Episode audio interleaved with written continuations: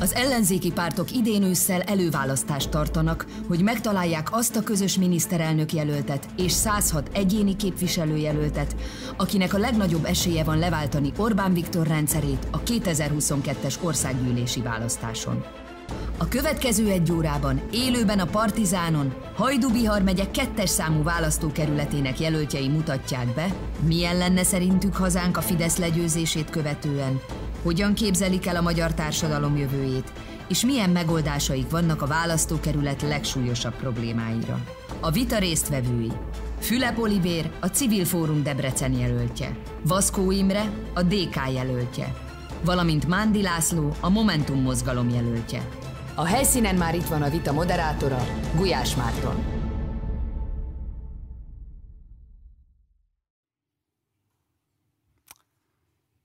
Köszöntöm nézőinket, szervusztok!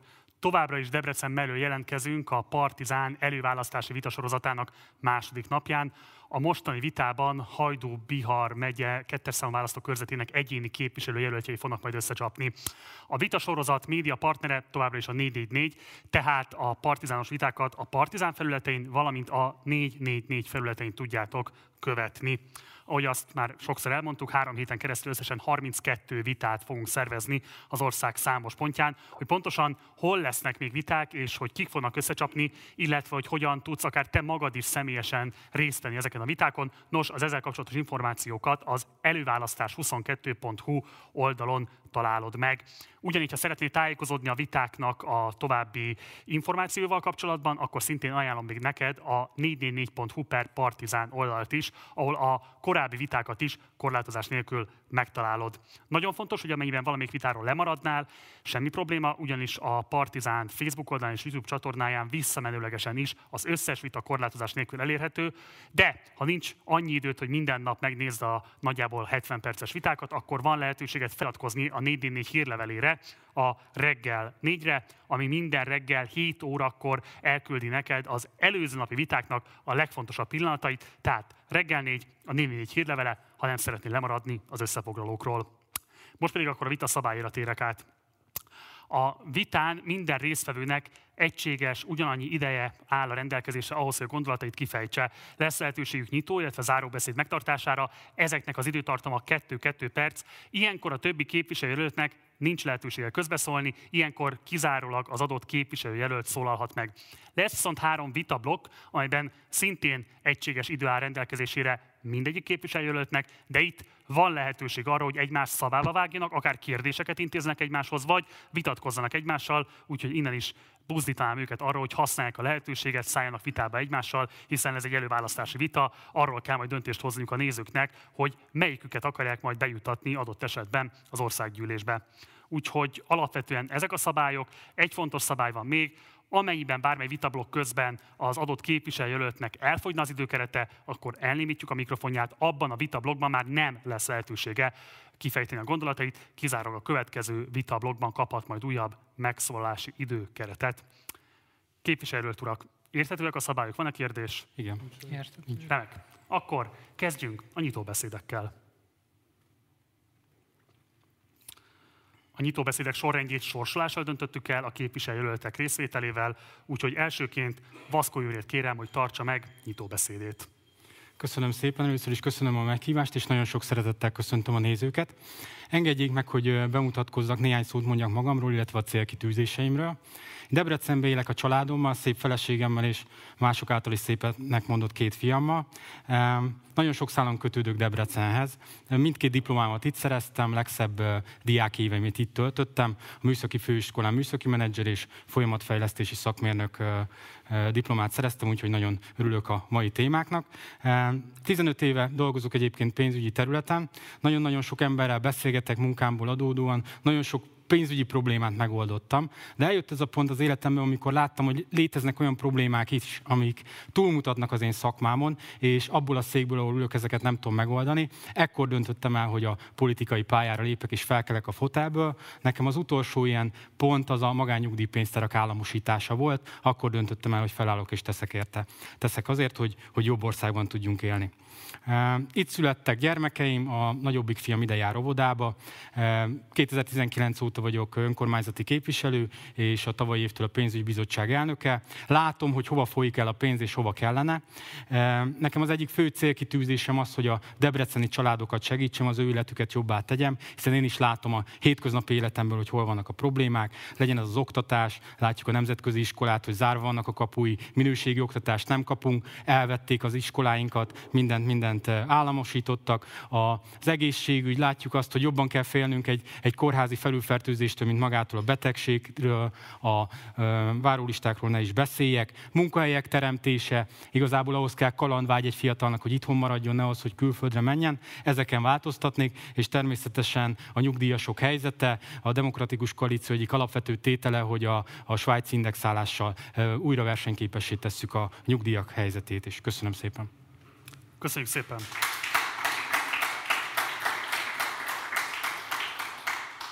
Fülep Olivér nyitó beszéde következik. Jó estét kívánok! Én Fülep Olivér vagyok. Első körben szeretném megköszönni, hogy itt lehetek. A Partizánnak ugye ez az vitája számomra új, mert én nem ebbe szocializálódtam, ugye koromnál fogva 29 éves vagyok, aztán ezek a viták az Orbán rendszerből kimaradtak. Amit rólam érdemes tudni, amint már említettem, Debrecenbe születtem, kettő és fél éves gyermek édesapja vagyok, és egy gyönyörű szék feleségem vár otthon. Nagyon szeretném megköszönni a debreceni választóknak, hogy aláírásukkal támogattak minket. Mi alternatívát szeretnénk a Civil Fórum Debrecen Egyesületével nyújtani azoknak, akik pártpolitika mentesen szeretnének kormányváltást eszközölni, és nekünk ez egy remek megmérettetés arra, hogy egy ilyen helyi egyesületnek van-e szerepe az országos politikában. Köszönöm szépen. Köszönjük szépen. Mándi László nyitóbeszéde következik. Szeretettel köszöntöm a vita iránt érdeklődőket, vetétársaimat, és köszönöm a meghívást és a szervezést a Partizán csapatának. Mándi László vagyok, 36 éves, okleveles közgazdász és mérleképes könyvelő. Tőzsgyökeres debreceniként e városban születtem, azóta itt élek, a feleségemmel, és ma pont 8 hetes kisfiammal. Az elmúlt 30 évben azt tapasztaltam, hogy rosszabbnál rosszabb kormányok váltják egymást, és ennek negatív csúcspontjaként 2010-ben nyakunkba szakadt a NER. A Momentum azért jött létre, és én azért kezdtem el politizálni a Momentumba, hogy ezen változtassunk, megújítsuk a magyar közéletet. Mi egy olyan országot szeretnénk teremteni, ahol gyermekeink, unokáink boldogan élhetnek, amelyben modern oktatással versenyképes 21. századi tudást szerezhetnek, ahol a fiatalok a jövőjüket nem csak elképzelik, de felnőtt korú meg is valósítják. Ahová külföld, külföldre kivándorolt magyaroknak érdemes hazajönni, és ahon, ahol, ahonnan a felnőtt generációknak nem muszáj elmennie, nem kell elmennie. Hiszem, hogy mindenhez egy valódi rendszerváltás kell, amely szakít a 2010 utáni és a 2010 előtti világgal is. A jelenlegi kormány alatt brutális módon meggazdagodnak a korrupt Fideszes elithez közeliek, miközben a debreceniek hétköznapi problémájára nem nyújtanak megoldást. Pedig probléma van rengeteg. Elég csak példaként tekinteni például a Basahalom utcára, amely egy évtizede vár szilárd útburkolatra. Vagy ott van a Tócós kerti Hólólászló sétány, amelynek macskaköves burkolata balesetveszélyes, és amelyet legalább ötször megígértek, hogy lecserélnek. De példaként említhetném a Tócó völgyet is, ahol egy ezer lakásos lakóparkot terveznek építeni, anélkül, hogy megkérdezték volna a helyieket, hogy a számukra oly kedves és oly fontos zöld területet, a nagy beáldoznák el célra. Az elmúlt két évben több ezer emberrel folytattam személyes beszélgetést, több száz lakásba kopogtattam be a Túlcós kertől az Epres kerten át a Fényes udvarig, hogy megismerjem a helyek problémáját, és megismerjem véleményüket. Én ebben hiszek, a helyiek iránymutatásán és egy valódi párbeszéden alapuló politizálással közösen teremtünk egy új világot 2022-től.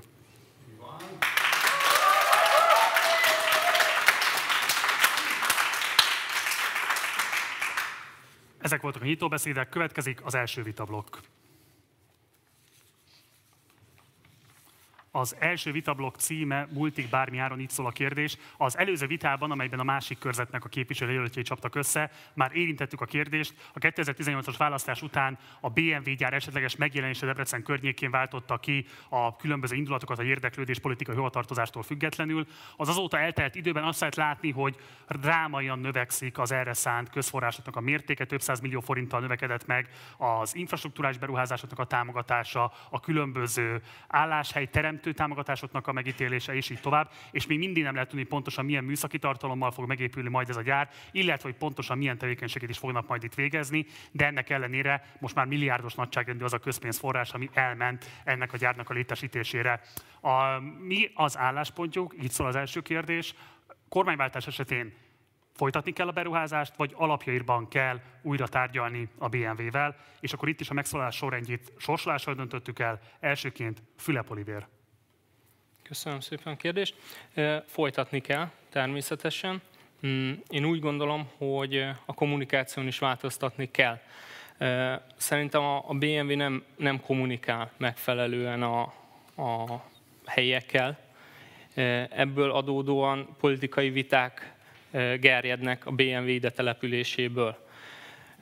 Szerintem azt kell mondjam, a tanuló pénz a helyi politikusok számára, hogy attól függetlenül, hogy egy ilyen nagy gyár minket választott, azért pozícionálni kell magunkat. Tehát nem szabad mindent odaadni a BMW-nek azért, mert ide jön. Ő mellettünk döntött, és meg kell vizsgálni azt, hogy ők mit adnak, és mi mit adunk. Tehát szerintem azért van ez a, ez a milliárdos többletköltség, ami hónapról hónapra jelentkezik, mert nem pozícionálták megfelelően magukat a politikusaink.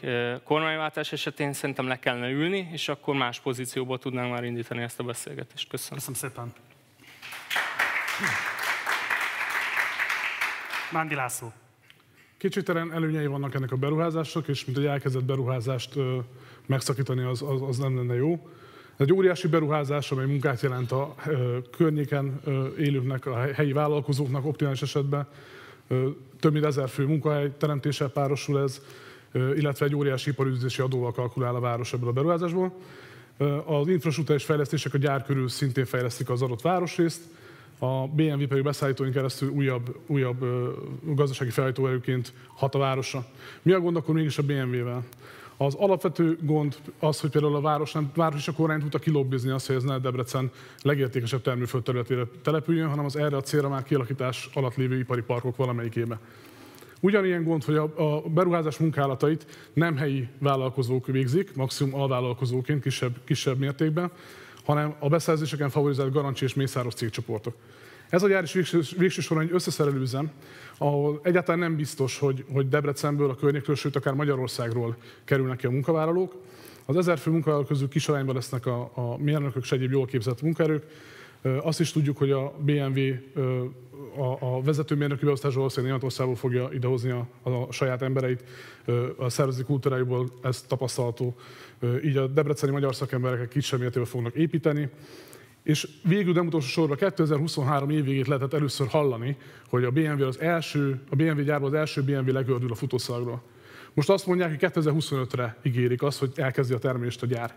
Kettő évet áll 150 milliárd adófizetői forint, jelenleg 150 milliárd adófizetői forint, és ki tudja, hol a vége ebben a beruházásban, anélkül, hogy bármilyen, bármilyen ö, megtérülést, vagy bármilyen ö, rentabilitást hozna ez. Ez egy óriási gigaberuházás, és ha ennek mondjuk egy harmadát a, a helyi mikrovállalkozásokra, a KKV szektorra fordítanák, akkor Debrecenben 5000 debreceni kisvállalkozás kaphatna 10-10 millió forintot például arra, hogy infrastruktúrális támogatást kapjon. Ha ezek átlagosan 3 foglalkozhatnak, ez 15 ezer fő, ami már önmagában sokkal több, mint a BMW és a BMW beszállítók keresztül foglalkoztatottak száma. A kérdésem továbbra is így szól, újra tárgyalni vagy felfüggeszteni? Újra kell tárgyalni az egész multinacionális cégek stratégiáját, okay. felfüggeszteni semmiképpen nem. Rendben, köszönöm. Baszkó.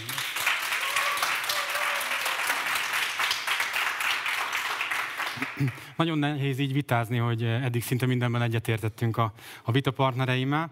E, valóban, e, mi voltunk egy kitelepülésen Kismacson. Kismacsról valószínű még nem hallottál, néhány Debrecennek is keresni kell a térképen. Egy 400 fős település Debrecen mellett. Ez a település van legközelebb a BMW gyárhoz, és Dobrev Klára is ellátogatott ebben a 400 fős faluba, vele beszélgettünk ott a helyiekkel, és valóban óriási kérdés, hogy milyen 40 arany koronás föld területre kell építeni egy ilyen óriási gyár létesítményt. Nagy kérdés az, hogy száz év múlva majd hogyan fogunk tekinteni erre a döntésre. Na de visszakanyarodva, valóban 150 milliárdban van körülbelül eddig, amit amit az állam a BMW-nek adott, amennyi az infrastruktúra, autópálya lehajtó, sőt vonat fog bemenni a BMW, sőt az északnyugati gazdasági övezet hivatalosan a neve ennek a, a területnek. Tehát nagyon-nagyon nagy kérdés, hogy ennyi pénz mennyi idő alatt jön vissza, akár iparűzési adóban, akár a kifizetett bérekben. Mert hallottunk itt számokat, hogy majd ezer ember fog itt dolgozni, de mondok egy egyszerű példát, Elon Musk nevét gondolom sokan ismerik, eléggé eh, iránymutató most az autógyártásba. Zárójelben megjegyzem, hogy most már olyan hangok vannak, hogy csak elektromos autót fognak gyártani Debrecenbe is. Ő azt mondta, hogy felesleges az ember a gyárba mert csak akadályozza a gépeket. Azt a puha testét, nehogy összetörjék a gépek. Tehát, hogyha ez az irány, akkor 10-15 év múlva ott fogunk tartani, hogy egy-két-három ember fog dolgozni a BMW gyárban, mindent robotok végeznek. Abban meg ne gondolkodjunk, hogy itt óriási mérnök felszippantó erő lesz a BMW. Münchenbe felrakja a 25 mérnököt a BMW a, a repülőre, másfél óra múlva itt vannak, és haza is mennek a családjukhoz este.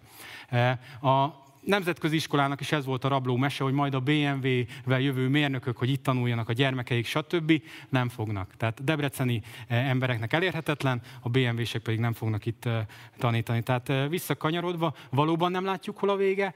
A BMW üzletpolitikájában láttuk azt, hogy Mexikóba tíz évig húzták a hármas BMW gyárat.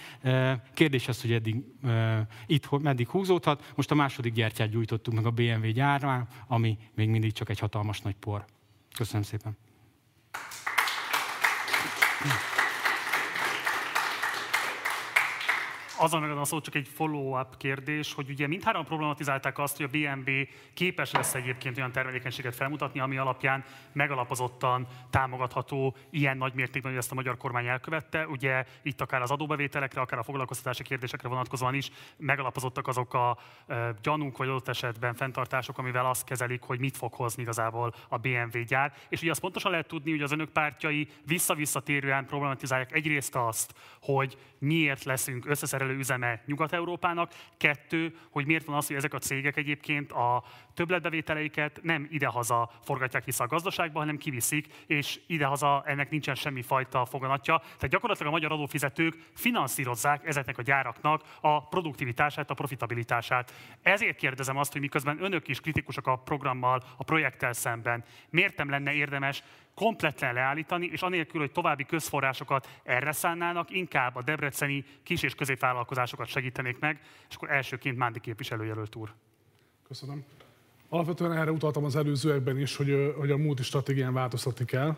Az elfogadhatatlan, hogy egy átlagos munkahelyteremtési beruházási támogatás Magyarországon egy múlti esetében 16-20 millió forint körül van, és ez így akkor a BMW-nél is miközben a válság után jelentkező munkanélküliség és tőkehiány esetében az ilyenfajta ösztönző támogatások elfogadhatóak voltak, ez már idejét múltá vált. A munkahelyteremtő külföldi beruházások sokszor bizony valójában megfojtják a, a helyi kis és középvállalkozásokat, és ezeket a fajta ösztönző támogatásokat sokkal inkább rájuk kéne pozícionálni a következő kormánynak. De ettől függetlenül, akár kisebb támogatással is egy BMW beruházás azért sok előnyt jelent, ahogy ezt említettem a, a város életébe, és egy félkész ö, torzóként otthagyni ö, szerintem, szerintem nem lenne előnyös semmiképpen Debrecen számára. Akkor másként teszem fel a kérdést, kérem, hogy erre válaszoljon. Kell olyan konfliktust vállalni a német autóiparral, akár azon az áron is, hogy adott esetben visszavannak beruházásokat azért, hogy hazai kis- és középvállalkozásokat lehessen inkább támogatni? Kell, persze. Egy ilyen gigaberuházással egyébként is mindent egy lapra tesz fel, még egy Debrecen méretű város is, és, és sok kockázata van ennek. Köszönöm. Vaszkó képviselőt úr.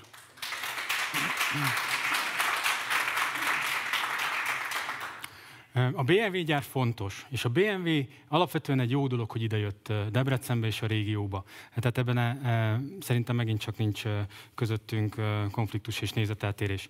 Ami nagyon fontos, hogy láttunk már ilyen példákat. Itt van például a Mercedes gyár, amit zárójelben megjegyzem, Gyurcsány Ferenc hozott még ide annak idején a, az ő tárgyalásai révén került ide. Láttuk azt, hogy hogyan lehet egy ilyen gyárat úgymond megregulázni és bizonyos feltételekhez kötni a, az ő itteni tevékenységét. Mondok egy egyszerű egyszerű példát, folyamatosan monitorozni a létszámot, és a létszám függvényében esetlegesen az állami támogatásokat bizonyos időközönként, bizonyos checkpontonként visszavenni. Erre van lehetőség, és ami még egy nagyon-nagyon fontos dolog, és kevés szó esett, az, hogy hogyan tudnak majd a magyar cégek kapcsolódni ehhez a gyárhoz. Hogyan tudnak részt venni ebben a láncban, ebben a láthatatlan gyárban, ebben a láthatatlan láncban, akár beszállítóként. Tehát nekünk a BMW telepumpáljuk pénzzel, ez eleve nem biztos, hogy szerencsés, lehet anélkül is jöttek volna. A a másik pedig az, hogy ezt a pénzt inkább akkor azokra a magyar kis- és középvállalkozásokra fókuszáljuk, akik tudnak érdemben, minőségben, innovatívan beszállítani a BMW-nek.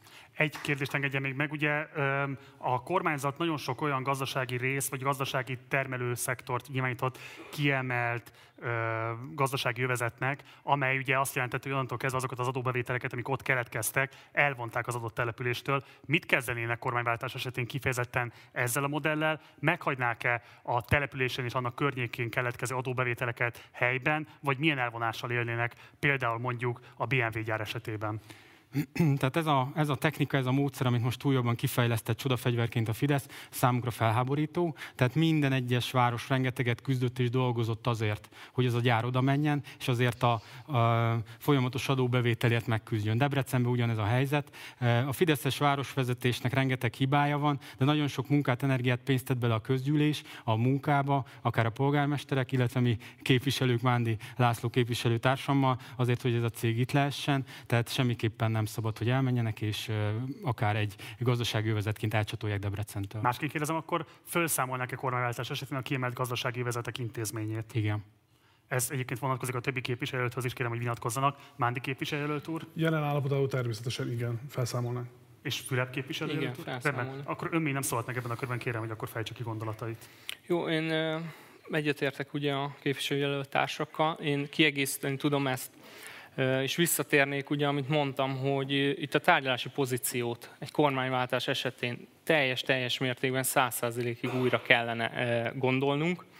Tehát ne, vállalkozásként kell gondolni a városra, vállalkozásként kell gondolni az országra. Tehát olyan nem létezik, hogy minket választ egy gyár, aki ide szeretne települni, és onnantól kezdve kisnyuszi módjára mi összehúzzuk fülünket, farkunkat. Tehát feltételeket kell támasztani, az összes multira gondolok itt a térségben, hogy nagyon sok multi idejön, ígér fűt, fát, aztán nincsenek visszaellenőrizve. Mert ugye utána szentélybe kezeljük őket, hogy Úristen, több ezer munkahelyet teremtett, most akkor mi lesz? Szerintem ezen változtatni kéne, ez, a, ez az Orbán kormánynak egy nagy gyengesége, azt látjuk, hogy a külügyminiszterünk is repked ide-oda, de valóban súlytalan emberről beszélünk. Jó, ami nagyon fontos,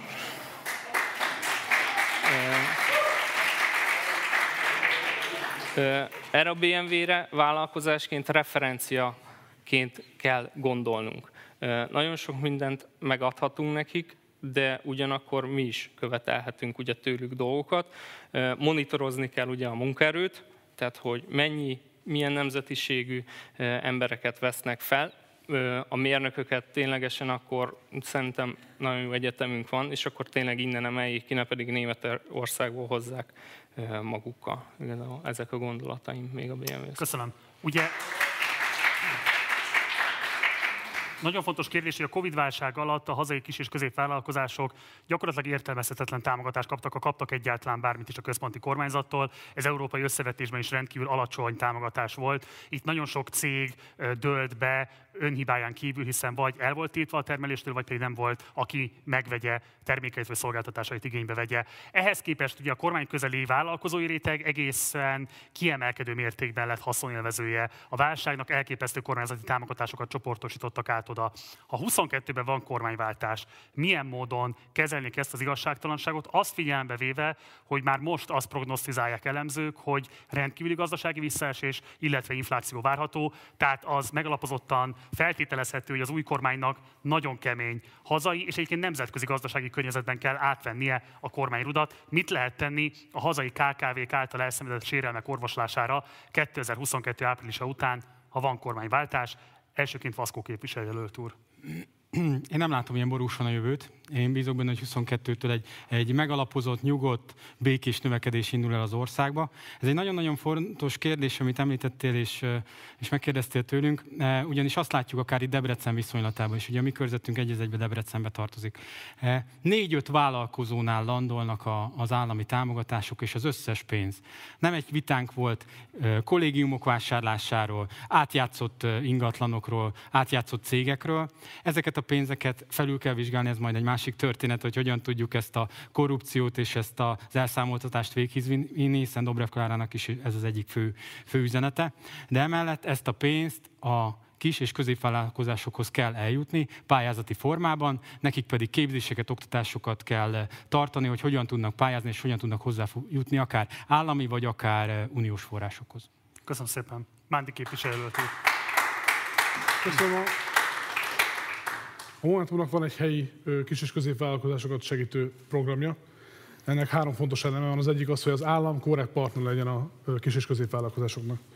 Például olyan apróságokra kell gondolni, olyan bürokratikus akadályokra, amik most képződnek, ezeknek a ledöntésére, hogy az adórendszerbeli változásokat évente egyszer lehessen végrehajtani, 60 nappal megelőzően be kelljen jelenteni, hogy fel tudjanak készülni a KKV-k, ne kelljen rohanni adószakértőhöz, könyvelőhöz, stb. stb. Személyesen könyvelőként is tapasztalom, hogy milyen nehézséget okoz ez a helyi vállalkozásoknak. A másik ilyen, hogy segít az állam ott, ahol tud. A növekedés támogatásaként a, a Momentum elképzelése szerint a kis kisvállalkozásoknak az első munkavállaló után ö, ö, járulékát elengedi az állam. Ez ugye azon ö, vállalkozásoknál valósulna meg, ahol magánszemélyek a tulajdonosok, és csak egy ilyen vállalkozásnál. Illetve vállalkozásbarát adórendszer teremtünk, el, elhivatottan valljuk azt, hogy, hogy el kell törölni a kata büntetőadót, és a kata igénybevételnek körét kell határozni meg sokkal jobban, sokkal pontosabban, nem pedig egy ilyen átgondolatlan adóval büntetni ezeket. És emellett még egy, van egy kis rövid időm, egy, egy debreceni példára is hivatkoznék. A Momentumban egy két milliárdos gazdasági védőhálót hirdettünk meg a Covid-válság első hulláma alatt. Egy olyan javaslatcsomagot tettünk le itt a, a városvezetés elé, amelyel segíthette volna a helyi kis és középvállalkozásokat, hogy ne, ne zuhanjon mélyre a válság, onnan sokkal könnyebb legyen újraindulni. Ez gazdasági szakemberként én elkötelezett voltam mert hogy ezt dolgozzuk ki. Tegyük le, természetesen a városvezetés lesöpört az asztalról, és mindenféle egyéb látszat megoldásokkal segítette a baráti vállalkozásokat a kormány. Köszönöm.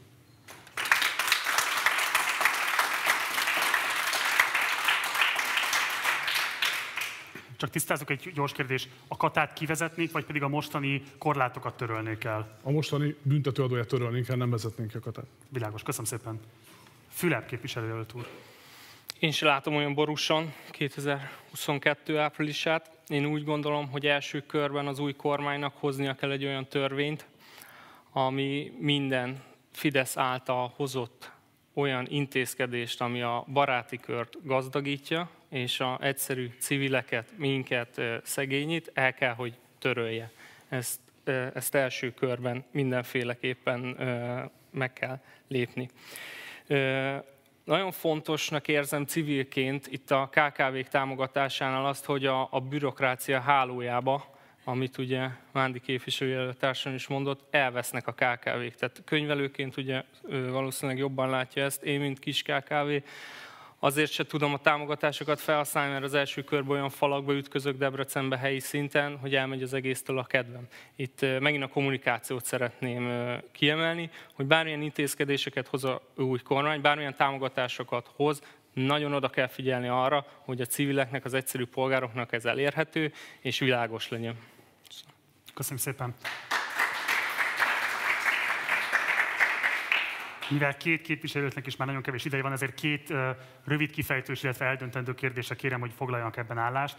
Az első kérdésem így szól, hogy szükségesnek tartanák-e azt, hogy az európai viszonylatban is rekord alacsony iparüzési adót emelje egy következő kormány, igen vagy nem, és akkor haladjunk Fülep képviselőjelölt úrtól Vaszkó képviselőjelölt úr felé. Még egyszer, bocsánat.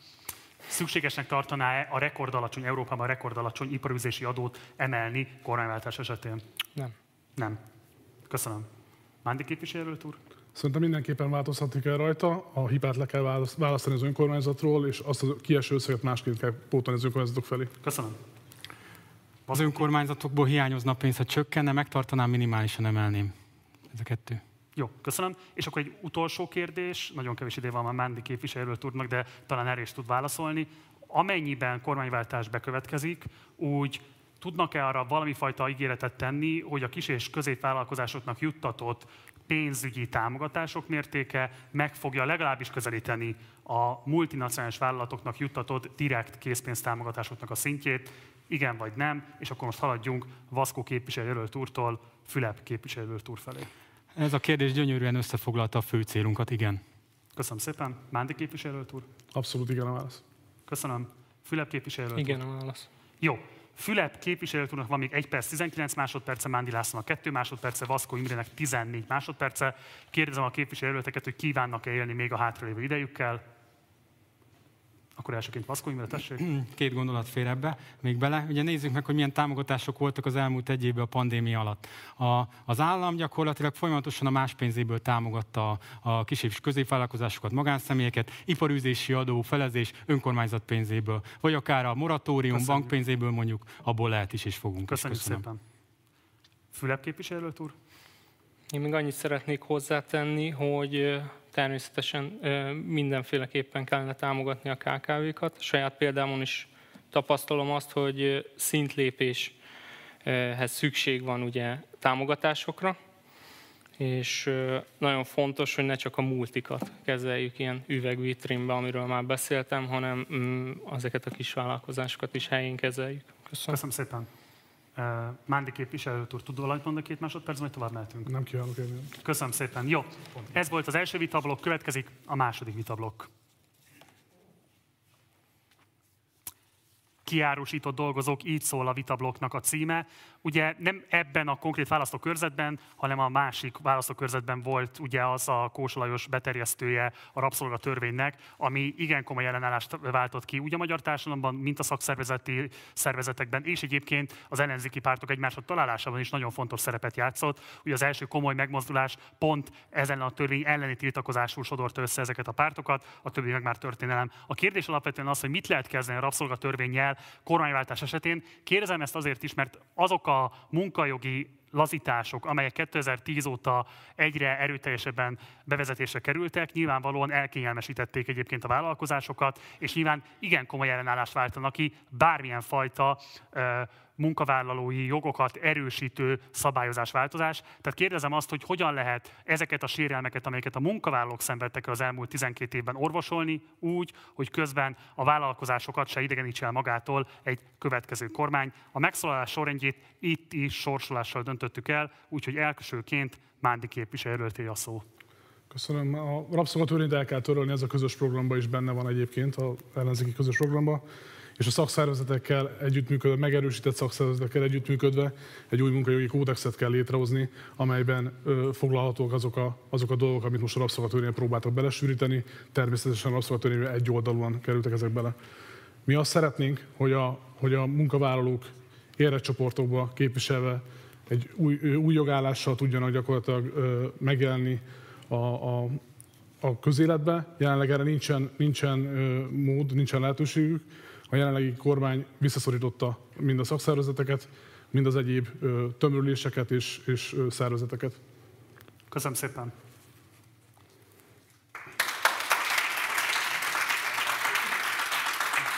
Vaszkó képviselőt úr. Köszönöm szépen. Ugye ennek a rabszolgatörvénynek azért több része van. A rablómese Kósa úrtól az volt, hogy lehetőséget teremtünk annak, hogy a munkavállalók többet dolgozhassanak. Ez hangzott el. Ezért emelték meg a, a maximum kiadható túlórát 250-ről 400-ra, tehát egy évben ennyit adhatók ki. Ezzel próbálták megmagyarázni, azt viszont nehéz megmagyarázni, hogy 12 hónapról 36 hónapra miért emelték meg az elszámolási időszakot. Tehát ez tipikusan egy olyan dolog, ami csak a multinak kedvez. Tehát egyértelmű, hogy Mándi képviselő úr is elmondta, a rabszolgak törvényt el kell törölni. A szakszervezetekről majd még lehet, hogy fogunk részletesebben beszélni. Itt pedig Orbán Viktornak volt egy nagyon sokat mondó mondata, ami úgy hangzik, a szak- szakszervezeteket tiszteli, de szerintük, szerint ebben nincs igazuk. És pont. Ennyivel le lehet rendezni ma a szakszervezeteket. Sajnos az egy másik történet, hogy miért nem szerveződik alulról erősebben a szakszervezet, miért nem lépnek fel, miért nincs elős ö, támogatottságuk, illetve miért csökken folyamatosan évről évről a számuk, hiszen 2017 környékén még majdnem 600-590 szakszervezet volt, most már 500 alá esett a, az országban, tehát látszik, hogy, hogy egy másik oldala is van ennek a dolognak, de nagyon sok dolgunk van, de az eltörlés lesz az első lépés. Köszönöm szépen. Itt először ehhez szeretnék hozzászólni, szerintem nagyon egyszerű, félnek. Tehát egy olyan országban élünk, hogy ha valaki felemeli a hangját, annak tartania kell a retorziótól másnap. Ilyen egyszerű a dolog. Mi is eltörölnénk természetesen a rabszolgatörvényt. Azt azért nagyon fontos látni, hogy Ez ezt a 12 évet, ezt, ezt nem négy év alatt fogjuk mi, mi helyre rakni kormányváltás esetén. Tehát senki ne higgye azt, hogy 22 után fél éven belül itt, itt csoda lesz az országban. Ez, ez, ezt felejtsük el. Folyamatokban kell gondolkodni, mi is folyamatokban gondolkozunk. Kormányváltás esetén 22-t egy nagyon hosszú utat fogunk bejárni közösen. Itt szükség van az emberekre. Gondolok itt a szakszervezetekre. A szakszervezeteknek fel kell nőniük a feladathoz, újra kell szerveződniük, és valósan képviselni kell a munkásokat. Amit még ehhez a témához ugye szeretnék hozzáfűzni, hogy minden éremnek két oldala van. Tehát természetesen meg kell vizsgálni ugye a, a munkavállalóknak a helyzetét, de ugyanakkor a vállalkozásoknak is meg kell ö, vizsgálni a helyzetét. Tehát ne gondolja senki, hogy a, az a munkahely, ahol most van, az olyan erős, hogy elbírjon egy ekkora gazdasági változást, ami, ami kifejezetten csak a, a munkavállalókat érinti. Köszönöm. Köszönjük. Még a 2018-as választások előtt robbant ki a hír, mi szerint egy debreceni ismert vállalkozó cégében közmunkásokat foglalkoztattak. Mit gondolnak erről a gyakorlatról? Tehát arról, hogy államilag fizetett közmunkások magáncégekben dolgoznak, és ott segítik a termelékenységnek a növelését, illetve mit gondolnak magáról a közmunkarendszerről, mit kezelnének vele kormányváltás esetén, elsőként Mándi képviselőt úr. Hát az ilyenfajta dolog az visszaélés egyértelműen és büntetendő fel kell számolni az ilyenfajta gyakorlatokat, több helyről hallani egyébként hasonlókat Debrecen és környékén is akár. Szerintem, szerintem ezzel komoly feladata lesz a következő koalíciós kormánynak, ahogy azzal is, hogy a, hogy a közmunkaprogramnál megfelelő tudású emberek megfelelő szakképesítésű munkát tudjanak végezni, ne, ne kitalált munkákat kelljen nekik, nekik ellátni elképesztően megalázóan alacsony bérért, hanem effektív termelékeny munkát tudjanak végezni, amelyel nagyobb bért tudnak, nagyobb közmunka ellentétezéseként bért tudnak hazavinni, és amely, amely nem teszi őket annyira kiszolgáltatottá, hogy az ilyen helyi földesuraknak különféle egyéb munkáit kelljen elvégezniük. Eltetendő kérdés, megszüntetnék, vagy átalakítanák a közmunkaprogramot? Milyen módon alakítanák át például a bérezését a közmunkásoknak? Emelni kellene, de természetesen a közmunkaprogramnak a termékenységét is javítani kell. Megadnák a minimálbért a közmunkaprogramban résztvevő emberek számára? Hát, ha megfelelően termelékenyét tudjuk alakítani, akkor igen. Köszönöm. Fülep képviselőt úr.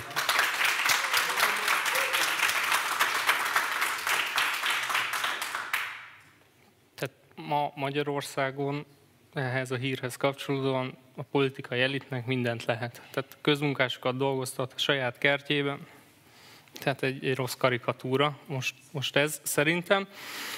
A közmunkaprogrammal kapcsolatban ugyanaz a véleményem, hogy újra kell gondolni, át kell alakítani, mert jelenleg a közmunka csak arra szolgál, hogy a munkanélküli statisztikát az Orbán kormánynak emelje.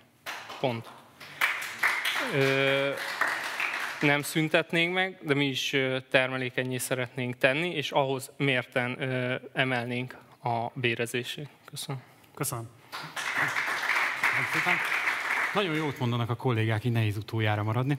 E, valóban e, a közmunkaprogram megalázó, és inkább kisfalvakba jellemző az, hogy a polgármesternek a kertjébe kapálnak, tehát nagyon-nagyon látványos tud lenni, de a városban is hallunk ilyen városi legendákat, és látunk ilyen pornyá, ö, portyázó, dekeres csapatokat, hogy gyakorlatilag termelékenység nincs. Egy nagyon fontos pont viszont nem került megemlítésre. A közmunka nem lehet végcél, ennek egy útnak kell lenni vissza a, a foglalkoztatottságba. Tehát valóban nekik őket vissza kell terelni valamilyen úton, módon a munkavilágába. Ez nyilván képzéssel, oktatásokkal lehet továbbfejleszteni, vagy lehet emelni a béren, a minimálbért ne érje el, hanem lépésről lépésre emelve terelje őket vissza a munkavilágába, ez őket fejleszteni és, és oktatni kell. Köszönjük. Mándi képviselőt úr, ugye a Momentum programjában hangsúlyosan jelenik meg a négy napos munkahét követelése. Kivitelezhetőnek tartja a négy napos munkahetet a ciklus végéig kormányváltás esetén? Abszolút kivitelezhetőnek tartom. Ez kicsit összefügg az előző témával, tehát egy olyan, olyan multi stratégiát kell folytatni, amely kapcsán olyan cégeket tudunk bevonzani, akik, ne, akiknél nem az adja a versenyelőnt, hogy európai szinten közepes bérért túlórákba dolgoztatják az embereket, hanem az, hogy tisztességes béreket, béreket keressenek annyi munkával, ami mellett az ember tud családi életet élni, a, tud kikapcsolódni, és egy európai színvonalú életet biztosítani magának és családjának.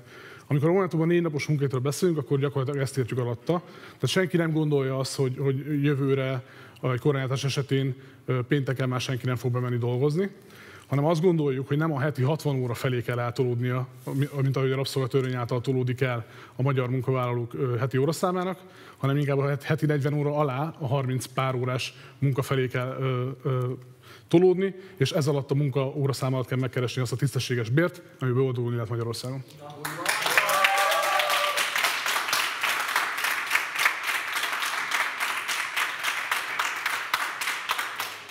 És mit válaszol azoknak a szkeptikus választóknak, akik azt mondják, hogy az is egy hatalmas érdem lenne, ha például a 40 órás munkahelyet már be lehetne tartatni a munkáltatókkal. Mit mondaná nekik, akik azt gondolják, hogy nagyon boldogok lennének már attól, ha csak 5 napot kéne dolgozniuk a 6, adott esetben 7 napos munkahét helyett? Igen, ezt, ezt mondtam az előbb is a, a stratégiai váltásnál, a, a összeszerelő üzemek helyett a magasabb termékenységű cégek bevonzásával. Még azt, azt mondanám, hogy a, a következő kormány el fog követni mindent azért, hogy be, be legyenek tartató Magyarország törvényei, amelyben rögzíteni kell azt, hogy mennyi a maximális óraszám, és ha ezen valaki túlmunkát vállal, akkor az normálisan ki legyen fizetve, és ne tudják rabszolgasságba hajtani a munkavállalókat. Világos, de akkor egy utolsó megerősítés, mindenképpen elérendő célnek tartja a ciklus végéig a négy napos munkahetet. Így van, elérendő Köszönöm. Azt szeretném kérni a képviselőjelölt, Azt szeretném kérni a képviselőtársaktól, hogy reagáljanak erre a követelésre, támogatják, ne elutasítják, mit gondolnak róla. Elsőként Fülep képviselőjelölt úr. A négy napos munkahétre? támogatom, viszont itt is ugye folyamatokban kell gondolkodni, és én úgy gondolom, hogy négy év alatt ez, ez nagyon karcos határidőt szabtunk ezzel. Köszönöm. Köszönöm. Nem tartom reálisnak, megvan az első pont, amiben nem értünk egyet a, a, a vita partnereimről, és erről tudunk beszélgetni. Négy év alatt én ezt utópiának látom. Tehát, hogy első körbe valóban a az öt napot egyelőre tényleg a túlóra törvényt szabályozni, a rabszolgatörvényt eltörölni, újra gondolni, hogy ha valóban van ilyen, aki többet akar dolgozni, azt kellőképpen megfizetni, akár sávosan. Aki még plusz öt órát vállal, még több pénzt kap, aki még plusz ötöt, az még több pénzt kap, és nyilván ez mindenkinek a habitusától, mert valaki Sőt, én a többségről úgy gondolom, hogy ők nem kevesebbet szeretnének dolgozni, hanem az elvégzett munkáért tisztességes bért megkapni, ami mellett nem megy el az árindex, a, bemegy a Bemegy a boltba, nem fele annyira tudja megpakolni a kosarát ugyanazért a bérért, hogy a Debrecenben a BMW gyára visszakanyarodva két e, van, meg haszna volt eddig a debrecenieknek, a szállópor és az elszálló ingatlanárak. Senki nem veszi figyelembe, hogy milyen brutális ingatlanár növekedés van. A mostani bérekből egy debreceni átlag keresetből összerakni lehetetlen. 40-50-60 milliós ingatlanokról beszélünk. Tehát itt a meglévő munkát kell sokkal-sokkal jobban megbecsülni, nem pedig az óraszámot csökkenteni. Köszönöm. Én azt gondolom, hogy képviselőjeltársam ilyenkor nem bennem vitatkozik egyébként, hanem a közös programban is benne, hogy elő kell készíteni négy négy napos munkahetet, és az tény, hogy ez egy középtávú célként fogalmazódott meg, viszont az, hogy ezt elérjük a ciklus végére, csak a koalíciós kormányzásnak az effektivitásán fog múlni. Szóval szerintem igenis ki kell tűzni ezt célnak, érjük el 2026-ra, mert ha nem tűzzük ki ezt egy közeli célnak, akkor sosem fog megvalósulni. Nagyon sok ilyen tervet látunk, ami már évtizedek óta szövegetnek Magyarországon.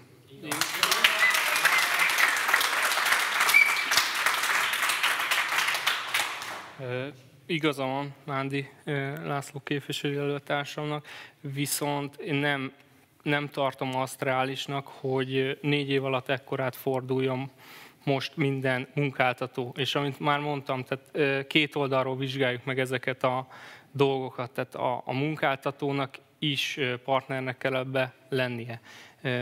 Ezért értek inkább egyet a Aszkó Imre mm, képviselőtársam, képviselőtársam által elmondottakkal, hogy, hogy először a bérezést és a 40 órás munkahetet is figyelembe kellene venni. Ez álljon be, majd utána a következő lépésként tehát folyamatokba, távlatokba gondolkodjunk, akár a második ciklusba a, áttérni a négy órás vagy négy napos munkahétre. Köszönöm. Vaszkó képviselőtúrhoz fordulok. Ugye Dobrev Klárának még az európai parlamenti kampányában merült föl az európai minimálbér gondolata, ami, ha jól tudom, mai napig egyébként része a DK programjának. Kérem, hogy fejtsek hogy pontosan mire kell gondolni. Azonos bérszínvonalat követelnek a Magyarország, és teszem azt mondjuk a németországi dolgozók számára. Hogyan kell elképzelni az európai minimálbért? Mitől lenne ez egy összeurópai minimálbér?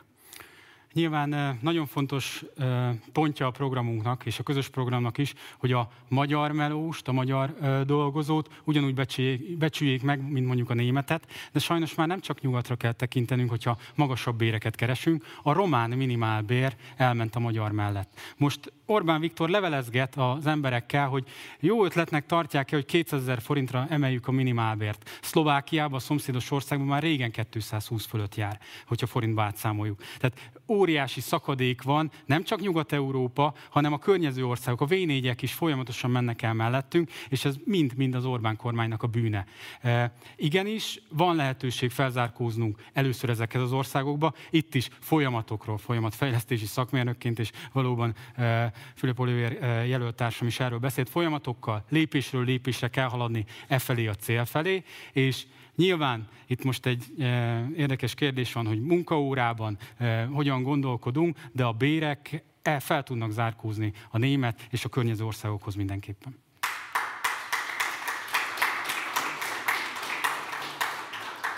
Jól értem akkor, hogy az a politikai célkitűzés, hogy a ciklus végéig Magyarországon azonos bérszínvonal jellemezze a különböző szakterületeket, mint mondjuk Németországban? A négy éves célkitűzés reálisan, hogy a környező országokat érjük utol. Tehát az, hogy négy év alatt Németországot utolérjük, hogy négy év alatt reálisan négy órába dolgoznak az emberek, szerintem nem elérhető. Egy hosszabb távon tudunk ebbe dolgozni. Lépéseket lehet tenni, megnyitni ezt a dolgot azoknak, akik esetleg hajlamosak erre, hogy ők négy órát dolgoznak, lehetőséget és munkajogot teremtsünk ehhez. De megnézném én azt a vállalkozót és azt a gyakorlati dolgot, mikor bejön két felvételiző, valaki négy órát akar dolgozni, valaki hatot, és a négy órásat fogják fölvenni. Ez egy nagyon nehéz kérdés. Egy kérdést engedjem, mert nem szeretném, lejárni az ideje, anélkül erre válaszolna. Ugye a rendszerváltó elitek egyik nagy hibájaként szokták számon tartani, és sokszor számon kérik rajtuk a különböző elemzések adott esetben a közvélemény formálói, hogy azt a hitelt rebesgették és azt a hitet ültették el a magyar társadalomban, hogy a rendszerváltással a kapitalista termelésbe való becsatlakozása lehetséges, például az osztrák bérszínvonal belátható időn belül történő elérése, ez 30 év alatt nem sikerült. Természetes, hogy a termelési láncban Magyarországnak csak egy adott mozgástere van. Felelősségteljes-e ilyen értelemben akkor németországi bérszínvonallal hitegetni a választókat? Az elmúlt 12 évben egy folyamatos növekedő pályán volt Európa. Akkor a bűne az Orbán kormánynak és Orbán Viktornak az, hogy ezt az időszakot nem használta föl, és nem tett lépéseket ez irányba, hogy nekünk nagyon sok munkával, de elérhető célként ez meg kell maradjon. Köszönöm. Köszönöm szépen. Vaszkó képviselőjelölt úrnak elfogyott az ideje, Mándi Lászlónak 1 perc 33 másodperce, Füle Olivérnek pedig 2 perce van még. Egy kérdést engedjenek meg. Ugye itt Debrecenben is kezdeményezték azt, hogy legyen egyszeri juttatás a szociális ügyi dolgozók részére. Ugye volt országosan az egészségügyi dolgozók részére egy egyszeri juttatás. Teljesen nyilvánvaló, hogy egyszeri juttatásokkal nem lehet azt a vérkrízist rendezni, ami a szociális ellátásban dolgozók, illetve az egészségügyben dolgozók mindennapjait jellemzi. Kérdezem önöket, hogy milyen javaslatokkal tudnák kifejezetten megnyugtatóan és igazságosan kezelni ezeket a bérkonfliktusokat ezekben a szektorokban, és akkor elsőként Mándi képviselőről turnál szó. Igen, tehát az egészségügyi szakdolgozók bérhelyzetét rendezni kell, de emellett nem mehetünk el a pedagógusok bérrendezése, vagy a rendőrök, tűzoltók, mentősök bérrendezése mellett sem. A közférában dolgozókat ugyan blokk, a közférában dolgozók bérszínvonalát emelni kell. Közös európai szabályozás kell a, a, a béreknek a, a kiegyenlítésére, vagy vásárlói paritáson történő kiegyenlítésére az Európai Unión belül. Ezen el kell indulni a koalíciós kormánynak, ahogy, ahogy hatalomra kerül azonnal. Ez egy hosszú távú folyamat, itt tényleg folyamatokban kell gondolkodni, és mindenképpen el kell érni azt, hogy, hogy emelkedjenek a bérek, nem csak Nyugat és Kelet-Európa között, nem csak a v és Magyarország között, hanem Magyarország különböző régiói között is óriási különbségek vannak. 2020-ban az országos bruttó kereset 18,7%-kal volt nagyobb, mint Hajdú megyében az átlagkereset, és a debreceni keresetek mint egy harmadával voltak kisebbek, mint a budapestiek. Ezen változtatni kell, hogy Magyarországon is hasonló, hogy ugyanazért a munkáért ugyanazokat a béreket kapják az itt dolgozók. És még egy fél mondatot, ha engedjek meg, mert azt képviselőtársamnak elfejt a bére, hogy egyébként ezt az egyszeri támogatást szociális dolgozóknak a DK ezt a közgyűlésbe, és természetesen megszavazta egyhangulag a közgyűlés.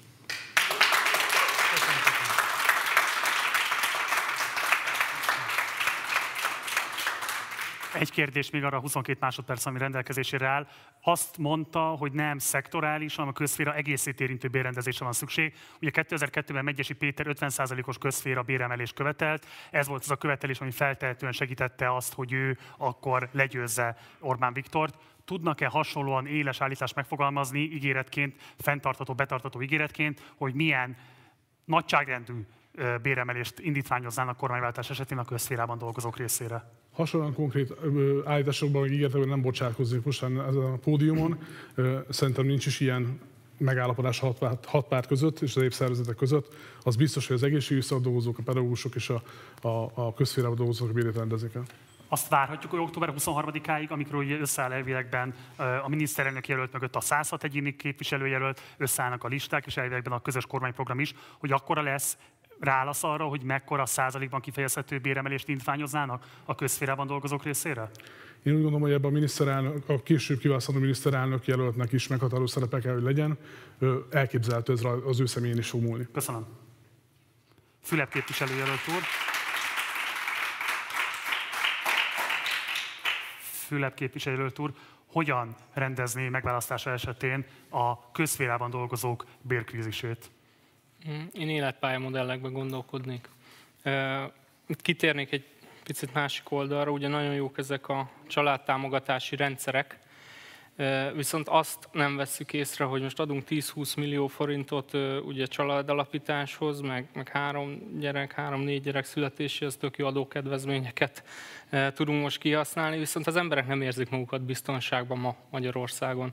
Ezért van szükség életpálya modellekre, azért egy tanárházas pára pályájának kétszer 140 ezer forintot vigyen haza, hanem egy, egy megfelelő európai életszínvonalat tudjon itt Magyarországon és Hajdújár megyében biztosítani. Ugye életpályi modellekkel a kormányzat maga is próbálkozott. Miért nem tartja azokat elégségesnek? Mi az, amit a kormányzati életpályi modellekhez képest máshogy csinálna?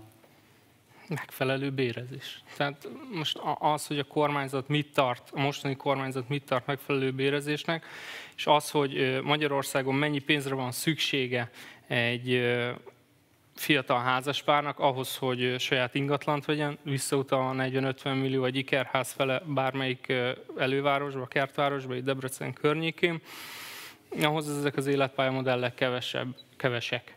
Az, hogy ingyen hitelekkel röghözkötjük a, a magyar fiatalokat, az, az szerintem megint nem megoldás. Tényleg, ténylegesen megfelelő életpálya modellekre van szükség, amik biztonságot adnak az olyan fiataloknak, mint, mint mi vagyunk. Kettő és fél éves gyerkőccel otthon, én ezt tapasztalom napi szinten. Itt még vissza szeretnék térni ugye a, közszférában dolgozókra, és ugye civilként saját példámból szeretnék most mindenkinek elmondani valamit. Tehát az, amikor márciusban az ápolónőknek egy új szerződést adtak oda, azzal a határidővel, hogy ma estig legyen aláírva, és ebben nem volt beleírva pontosan, hogy mennyi a túlóradíja, mennyi pénzt kapnak a, a túlóráért, esti pótlék és délutáni pótlék, az, az szerintem elfogadhatatlan. Köszönöm, Köszönöm szépen. szépen. Van még három másodperc a felkívánja használni, vagy mehetünk tovább? Mehetünk tovább. Akkor ez volt a vége a második vitablokknak, következik a harmadik és egyben záró vitablokk.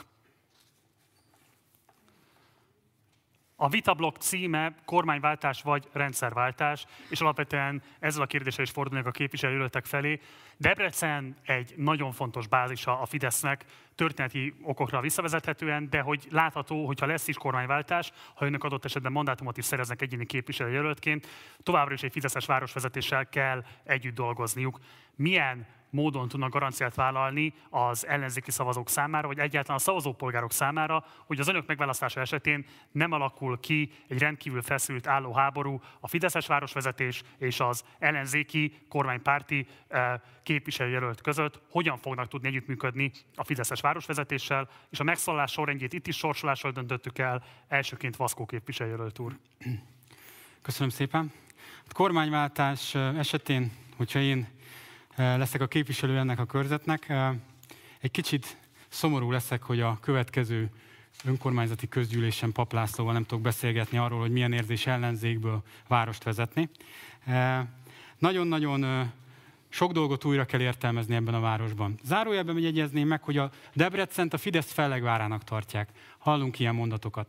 Meg kell nézni a statisztikákat. Több körzetben is nem ért el 50%-ot a Fideszes képviselő az előző választáson.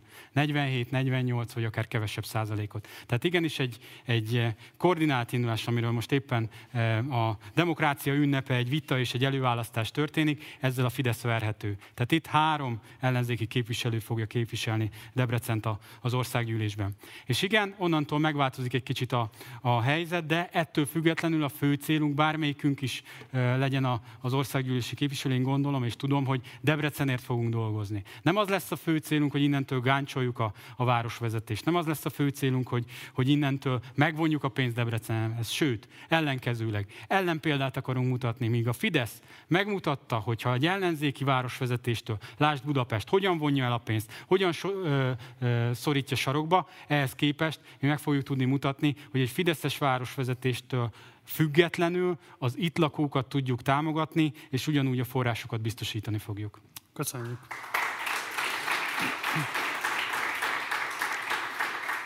Mándi képviselőt úr. Ez a kulcs, a közös programa benne van, hogy visszaadunk rengeteg jogot és lehetőséget az önkormányzatok kezébe. Nem az el, a mostani ellenzéki önkormányzatok kezébe, hanem az összes önkormányzat kezébe. Ez a gondolkodásbeli különbség, ami a Fidesz és a mostani ellenzék között van. Mi az összes önkormányzatra egyként tekintünk, és visszaadjuk nekik rengeteg olyan jogot, amit a Fidesz elvett. Nem fogunk kivételezni, nem véreztetjük ki őket, mint ahogy tette a korábban említett kiemelt gazdasági jövezetekkel. Nem fogunk extra adókkal sújtani Fideszes városvezetési önkormányzatokat, csak azért, mert ott a választók úgy döntöttek 2019-ben, hiszen eljön meg 2024 is, 2026 is, és felelősségekkel tartozunk a, a cselekedetünkért. Köszönöm.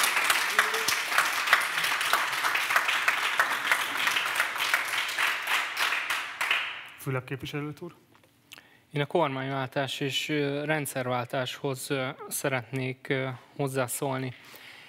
Itt mindenkibe tudatosuljon az, hogy van egy A verzió, illetve van egy B verzió. A B verzió az, hogy kormányváltás van, és ugye feláll egy merőben új kormány, aki nem fogja követni a Fidesznek ezt a politikáját, hogy kivérezteti az önkormányzatokat, tehát amit előttem is említettek, tehát mi, mi az ország malmát szeretnénk előre ö, hajtani, illetve van egy másik ö, verzió, ezt itt a, a, a rendszerváltással kapcsolatban, ne adj Isten, tehát ne történje meg az, hogy a, a, a Fidesz kormányon marad, ott azért nekünk össze kell szedni magunkat abban az esetben. Tehát 2022-nek súlya van, ez, ez, ez mindenkiben tudatos súlya. Jó, és nagyon fontosnak tartom tényleg, hogy, hogy merőben más lesz a politika. Tehát nem kell abban gondolkodni, hogy, hogy azért, mert mm, a Debrecen Fideszes város, városvezetésben marad, attól itt megállnak a nagy beruházások. Köszönöm szépen. Egy gyors kérdés még ide fölvetette azt, hogy ha jól értem, hogy mi történik akkor, hogyha adott esetben marad a kormány, nem lesz kormányváltás, de mondjuk önöket beszavazzák a parlamentbe egyéni képviselőként, úgyhogy akkor erről szól a kérdésem, hogyan tudnának együttműködni egy kormányjal, amely nem a saját párcsaládjukból kerül ki. És tudom, hogy kormányváltásra készülnek, de mégis kérem, hogy tájékoztassák a választókat arról, hogy milyen magatartást tanúsítanának egy nem ellenzéki kormány, vagy egy fideszes kormány esetében, ha megválasztják önöket. Elsőként akkor Fülep képviselőt úr. Hát ugye én, mivel egy civil egyesületnek a, a képviselő jelöltjeként állok itt, én, én meghallgatnám a, az embereket, és a kis emberek hagját is megpróbálnám eljutatni a, a kormány felé. piszok nehéz dolgom lenne. Igen, nem akarok cinikus lenni, de ez elég, elég sokan megpróbálkoztak az elmúlt 12 évben olyan sikerrel, amilyennel. Mi az, amiben ön többet tudna nyújtani, mint akik korábban próbálkoztak ezzel, és nem értek el eredményt?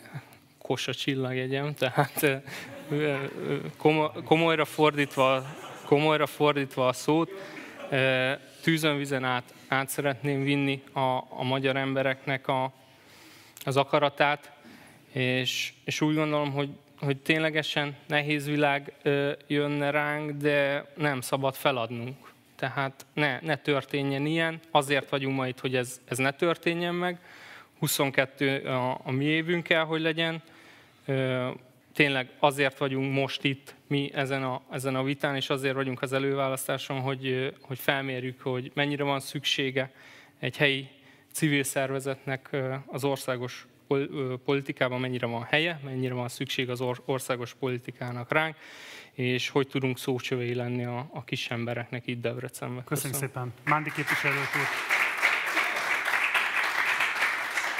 Ugyanazt a munkát követném, amit követek Debrecen önkormányzatában 2019 óta.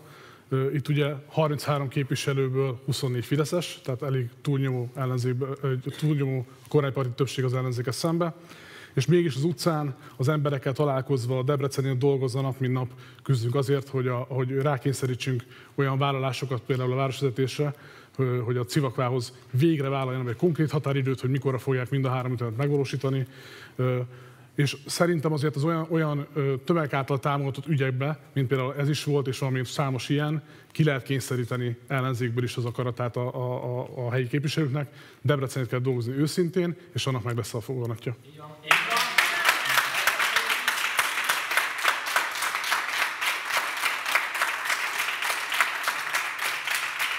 Egy kérdést engedjen meg, ugye a korábbi városvezetések, akár Kósajos, akár a mostani paplászót nézzük, annak ellenére, hogy kormányzat van, amely az ő pártjukból került ki, nem úgy tűnik, hogy bármilyen módon képes lett volna érdemben lobbizni, például mondjuk a szivakvához szükséges forrásoknak a megítélése kapcsán. Most ebben van változás és van elmozdulás, de hát évtizeden keresztül nem volt. Mitől tudna inkább érdeket érvényesíteni egy ellenzéki képviselő, ha marad az Orbán kormány? Szerencsére nagyon sok olyan lehetőség van, például közvetlen Európai Uniós források, amivel sok mostani ellenzéki város is élt, sorolhatnám itt Szegedet és egyéb nagyvárosokat is, amire közvetlenül lehet pályázni azért, hogy a helyben fontos dolgokat meg lehessen valósítani. Ezeket én egyéni képviselőket felkutatnám, és segítenék abban, hogy ez Debrecenbe eljussanak ezek a pénzek. Köszönjük szépen!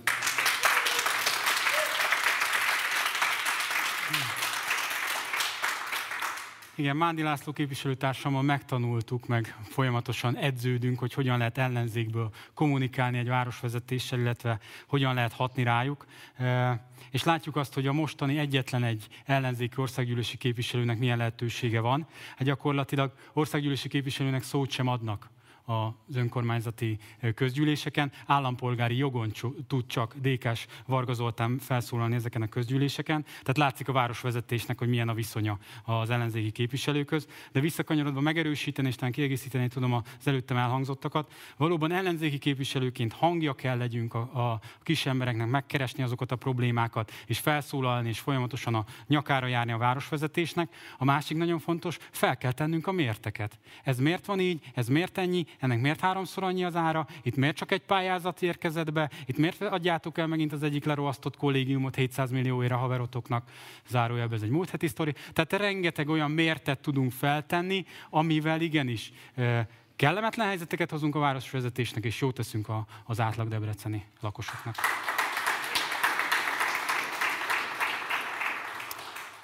Beszéljünk az elszámoltatás kérdésköréről. Mind a DK, mind a Momentum miniszterelnök jelöltje rendkívül élesen fogalmazta meg, hogy milyen elvárásokat fogalmaz meg egy új kormányzattal szemben, az előző kormány vélt vagy valós bűneinek a felszámolása, kiderítése és adott esetben szankcionálása kapcsán. Viszont ugye Fülep képviselőjelölt úr egy országosan ismeretlen jelölszervezetnek a képviseletében áll most itt, ezért első körben önhöz fordulnék, milyen elszámoltatást várhatnának öntől a szavazók, amennyiben ön lenne az ellenzéki képviselőjelölt az adott a mostani körzetben? Én első körben felállítanék egy független bizottságot, ahova szakembereket ültetnék be. Ez, ez legyen egy rajtunk kívülálló szervezet, semmilyen párt politikát nem szabad oda bevinni, mert akkor mindenkinek lesz ismerőse, mindenkihez találnak egy utat, és akkor csúnyán fogalmazva megkenhetőek lesznek az emberek. Tehát én, én, egy, én egy független szervezetet állítanék fel. Ennek mi lenne a célja? Hát ennek az, hogy amit ugye Vaszkó Imre is említett, tehát múlt héten 700 millió forintért átjátszottak egy kollégiumot, ugye? Amit előtte módszeresen tönkretettek. Ezeknek, a, ezeknek az ilyen átjátszásoknak és a, a beruházásokban eltűnt milliárdoknak a, a felkutatása, és ugye utána az igazi bűnösöknek a, a felkeresése, mert ugye sokszor láttuk azt, hogy hirtelen egy cég, amelyik szerepelt egy ilyen fura történetben, mm, cégvezetőt váltott útközben, és ide-oda menekítette a Karib-szigetekre a pénzt. Tehát, hogy a végletekig el kell menni. Köszönöm nem kötözködni akarok, de ugye pont ezekről az átjátszásokról és mindenféle egyéb korrupciós történetekről kimerítő tudása van a magyar nyilvánosságnak. Nem az a probléma, hogy nem tudjuk ezeket az ügyeket, hanem az a probléma, hogy az ügyészség, illetve a nyomozóhatóság olyan szinten van blokkolva központilag, hogy nem indítja meg még a legnyilvánvalóbb visszaélések esetében sem a nyomozásokat. Mit tudna ön egyéni képviselőként tenni azért, hogy ez a bizottság, amit ön kezdeményezne, hogy fölálljon, át tudja törni például a Polt Péter vezette ügyészségnek az ellenállását? Ugye visszakapcsolódnék oda, hogy azokat az Orbán kormány által hozott törvényeket talán az első időszakban valahogy semmisé kellene tenni. Mert hogyha ezeket nem tesszük semmisé, akkor ugye az ön által említett emberek azok ott maradnak, és ugye nekünk meg lesz kötve a kezünk. Tehát kérdésre válaszolva, első körben nem ezzel, hanem azzal foglalkozni, hogy ezek a törvények semmisek legyenek, és erre hozni új törvényeket, és kitisztítani minden körben a, a maradék fideszeseket, akik nem szakértők, hanem a mostani Orbán kormányban bizalmi emberek. Köszönöm szépen. Mandi. Mándi képviselőt úr, ugye az önök miniszterelnök jelöltje, amikor berobbantotta a kampányát, akkor a felcsúti per ígéretével keltett feltűnést. A mostani hetekben kevesebbet lehet hallani a felcsúti per ígéretéről vagy követeléséről. Áll-e még ez a követelés, és igen, akkor pontosan most mit értenek alatta? Áll. A, az alkotmányjogás csapató, csapataink az úgy gyakorlatilag közel egy éve dolgoznak azon, hogy több szenárió legyen a koordinálás követő időszakra arra, hogy hogyan tudjuk visszaállítani a, a korábbi jogállamiságot, milyen lépéseket tudunk az, az elszámoltatás felé tenni. Egyébként a NER jelentelenséges pökhendiségére például az, hogy, hogy a, a mutyik egy jó része még a, a Fideszes kétharmad által kontrollált törvényhozás keretein belül is törvénytelen vagy nagyon-nagyon aggályos ö, körülmények között születtek. Így ezek, ezen, ezen ö, alkuk és ö, szerződések egy jó része gyakorlatilag semmisítehető a kormányátás követően rövid időn belül. A felcsúti per pedig ugye az, azt, annak egy összefoglaló neve, hogy a, a Fideszes korrupt elit elszámoltatása meg kell történnie, akkor történik csak valódi rendszerváltás, hogyha ez megtörténik, anélkül újabb kormányváltás van, nem pedig rendszerváltás, és mi a rendszerváltás mellett elkötelezettek vagyunk. Rendben. Egy másik kérdés, hogy amennyiben nem sikerül alkotmányozó többséget elérniük a választáson, de van kormányzó többségük, viszont így nem tudják átalakítani az ügyészséget, nem tudják átalakítani a nyomozóhatóságot, egy csomó olyan állami intézménybe nem lesz igazából elérésük, és adott esetben leváltani a korábbi klientúrából beemelt vezetőket, akik akadályozhatják például ezeknek a követeléseknek az érvényesítését. Meg tudja erősíteni most a nyilvánosság előtt, hogy erre a helyzetre is van olyan kidolgozott tervük, ami eredményezni fogja azt a fajta jóvátételt, amivel önök most a választóikat hitetik. Van, és néhányat nem is lehetünk véka alá, tehát ilyen az Európai Ügyészséghez volt csatlakozás, vagy egy magyar a korrupciós ügyészség létrehozása, amely önálló vádemelési joggal bírva ki tudja kényszeríteni a vádemelést Volt Péteren keresztül. Tehát önmagában az alkotmányozó többség hiánya nem lesz akadálya az elszámoltatásnak? Nem. Köszönöm.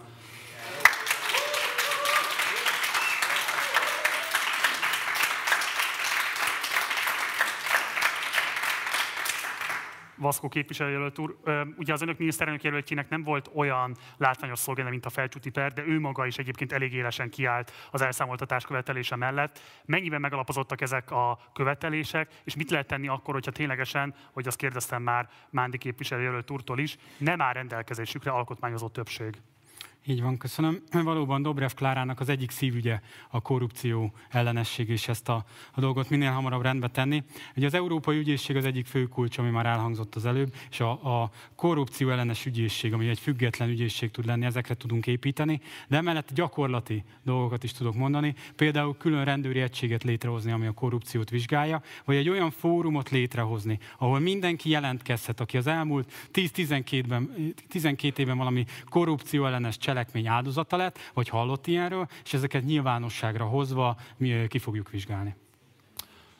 Mit kezelnek azzal a helyzettel, hogy számos olyan vállalkozó van a Fidesz holdudvarában, őket ugye oligarchának szokták nevezni, akik bár megalapozottan gyanítható, hogy nem törvényes vagy tisztességes eszközökkel nyerték el a különböző beruházásokhoz a pénzeket, vagy ezeket az állami támogatásokat, de mostanra a nemzetgazdasági súlyuk megkerülhetetlené teszi őket. Tehát adott esetben a feléjük irányuló pénzcsapoknak az elzárása az komoly gondokat jelenthet egyes szektorokban, és tízezrek megélhetését veszélyezteti.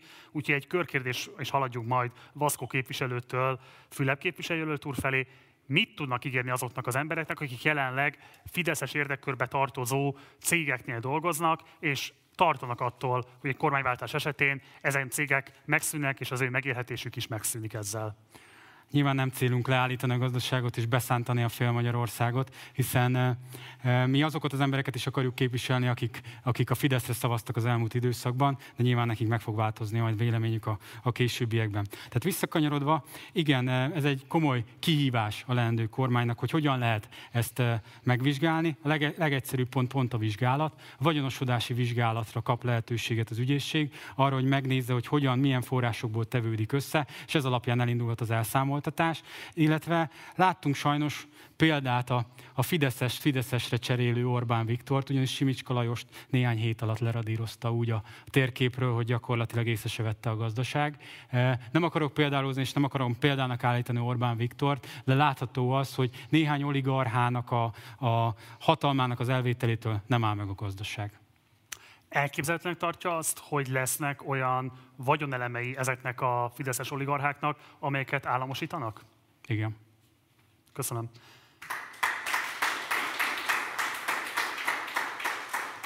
Vaszkó Imrének 58 másodperce, Mándi Lászlónak 2 perc, 19 másodperce, Fülep Olivérnek 53 másodperce van még hátra. Kérdezem a képviselőt urakat, hogy kívánnak-e élni a hátralévő idejükkel, akkor elsőként Fülep képviselőt úr, tessék. Igen, én ehhez visszakapcsolódva, tehát azt azért látni kell, hogy mi nem a Fidesz vagyunk, tehát attól függetlenül, hogy valaki most ugye a Fidesz holdudvarában ezért vagy azért, azért mi egy reális számvetést fogunk tenni, hogy képvisele értéket az a, az a vállalkozás, és utána ehhez mérten indulunk el. Nyilván lesznek olyan birodalmak, amiket be kell szántani. Tehát most tudjuk, kire gondolok, egy kérdés engedje meg, mert ugye Mán, vagy bocsánat, Vaszkó képviselő úr elég élesen fogalmazott. Önök is támogatnának bizonyos vagyonelmek esetében államosítást? Természetesen. Tehát ez, ez a, az a mai Magyarországban, aki, aki nem, nem gondolja úgy, hogy szükség van erre, az, az, az nem, nem a realitás, realitások talaján él. Köszönöm. Köszönöm. Ehhez kapcsolatban is mondanék pár gondolatot, egyetért az előttem szólókkal.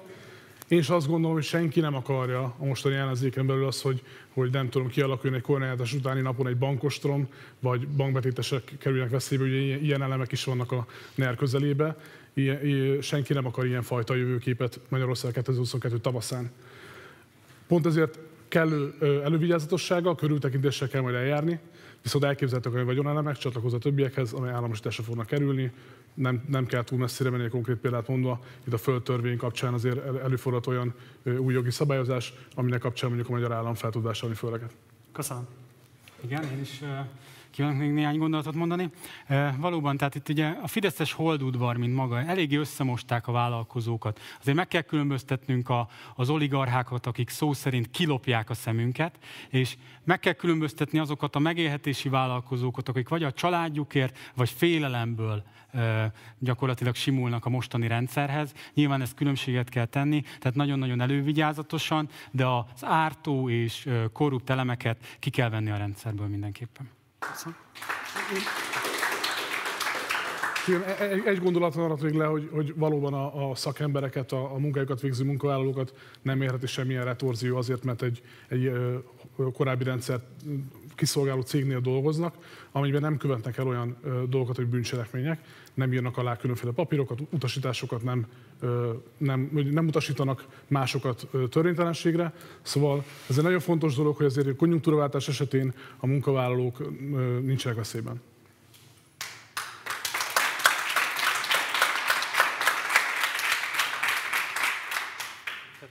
Munkavállalók nincsenek veszélyben, és egy olyan Magyarországot szeretnénk létrehozni, hogyha valakinek más a véleménye, mint nekünk, attól nem kell félnie másnap bemenni ugyanarra a munkahelyre.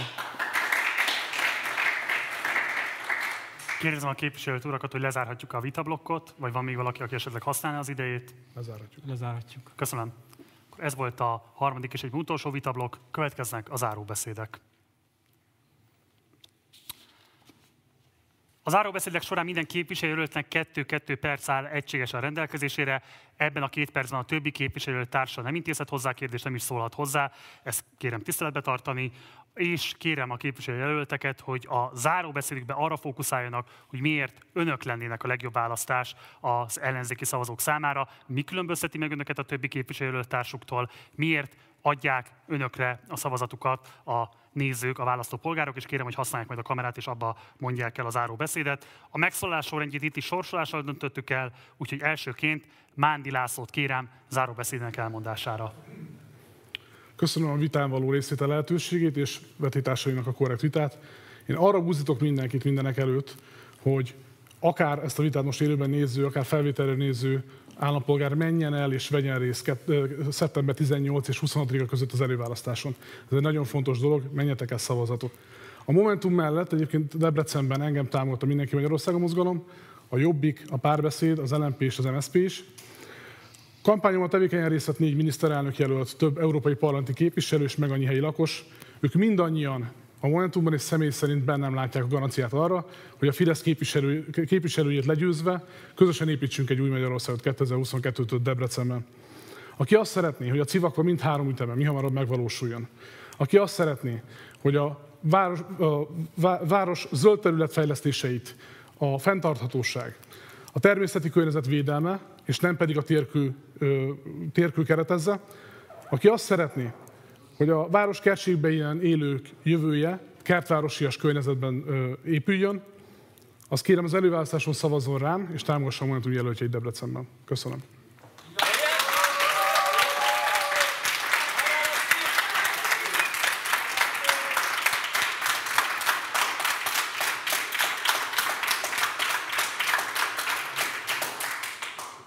Köszönöm. Fülep Olivier záróbeszéde következik.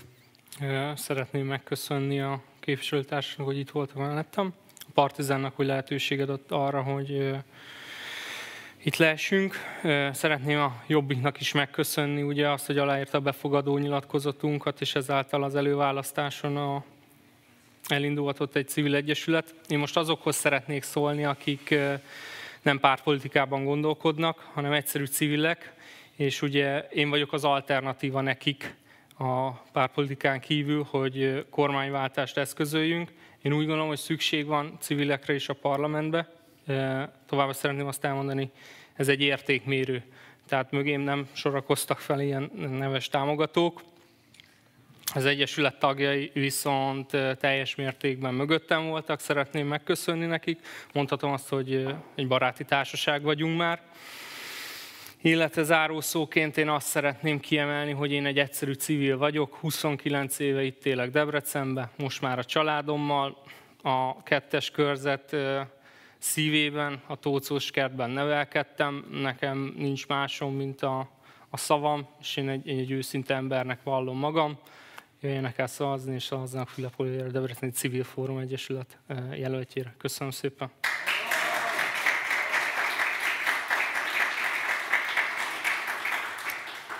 Köszönjük szépen. Vaszkó Imre záróbeszéde következik. Köszönöm szépen a szót. Én is szeretném megköszönni a vita lehetőséget és a korrekt vitát a, a partnereimnek. Látszik, hogy egy hajóba evezünk, csak a másik oldalt húzzuk az e-, evezőlapátot, hogy tudjunk egy irányba haladni. Amivel kezdtem, azzal fejezem be. Én a debreceni családokat akarom képviselni a parlamentben, és őértük kívánok harcolni. Azért, hogy a mi gyermekeink oktatásába ne szálljanak bele páros lábbal, ne mondják meg, hogy az erkölcstamban mi a jó és mi nem. Ne kényszerítsenek hittan minden gyermekre, mindenképpen ez az egyik fő célkitűzés. A másik, akár ha Debrecen nézzük, az itteni infrastruktúra fejlesztése. Valóban még 15-20% a, a mostani utaknak is földút Debrecenben, de a térkőtől már megfulladunk a belvárosba. Aránytalan és kétarcú. Nagyon-nagyon kétarcú a mi körzetünk. Vannak poros utak mellett e, családok, akiknek kilométereket kell gyalogolni egy busz állomáshoz, valaki könyvtárszobával rendelkezik a 60 utcán, és ő is velünk van, mert látja az igazságtalanságokat.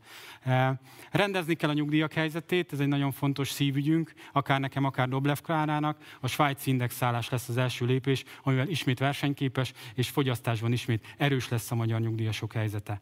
És végül, de nem utolsó sorban az egészségügy rendezése egy szívügyünk, ugyanis nagyon-nagyon hatalmas méreteket öltött az orvoshiány. Látjuk azt, hogy jelenleg egy felülfertőzéstől vagy a várólistáktól jobban félnek, és többen halnak meg ebben, mint egyes betegségekben. Ezeket mindet, mindet rendezni kell.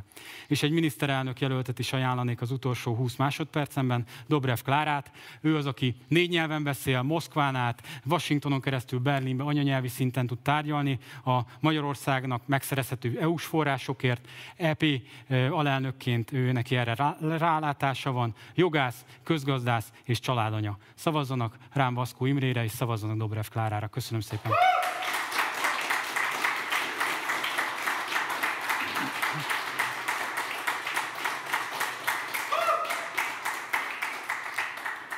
Köszönjük szépen, ez volt az utolsó záró beszéd, ezzel a mostani vita véget ért. A helyben lévő közönségtől azt szeretném kérni, hogy mindhárom képviselőjelöltet egységesen tapsolják meg.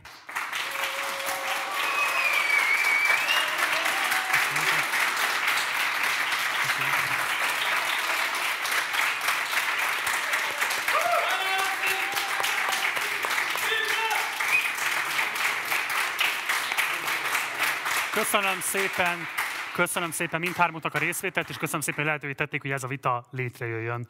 Nektek pedig köszönöm szépen a figyelmeteket, ez volt a Partizán soron következő előválasztási vitája. Ugye 32 előválasztási vitát szervezünk az egyéni képviselőtek között.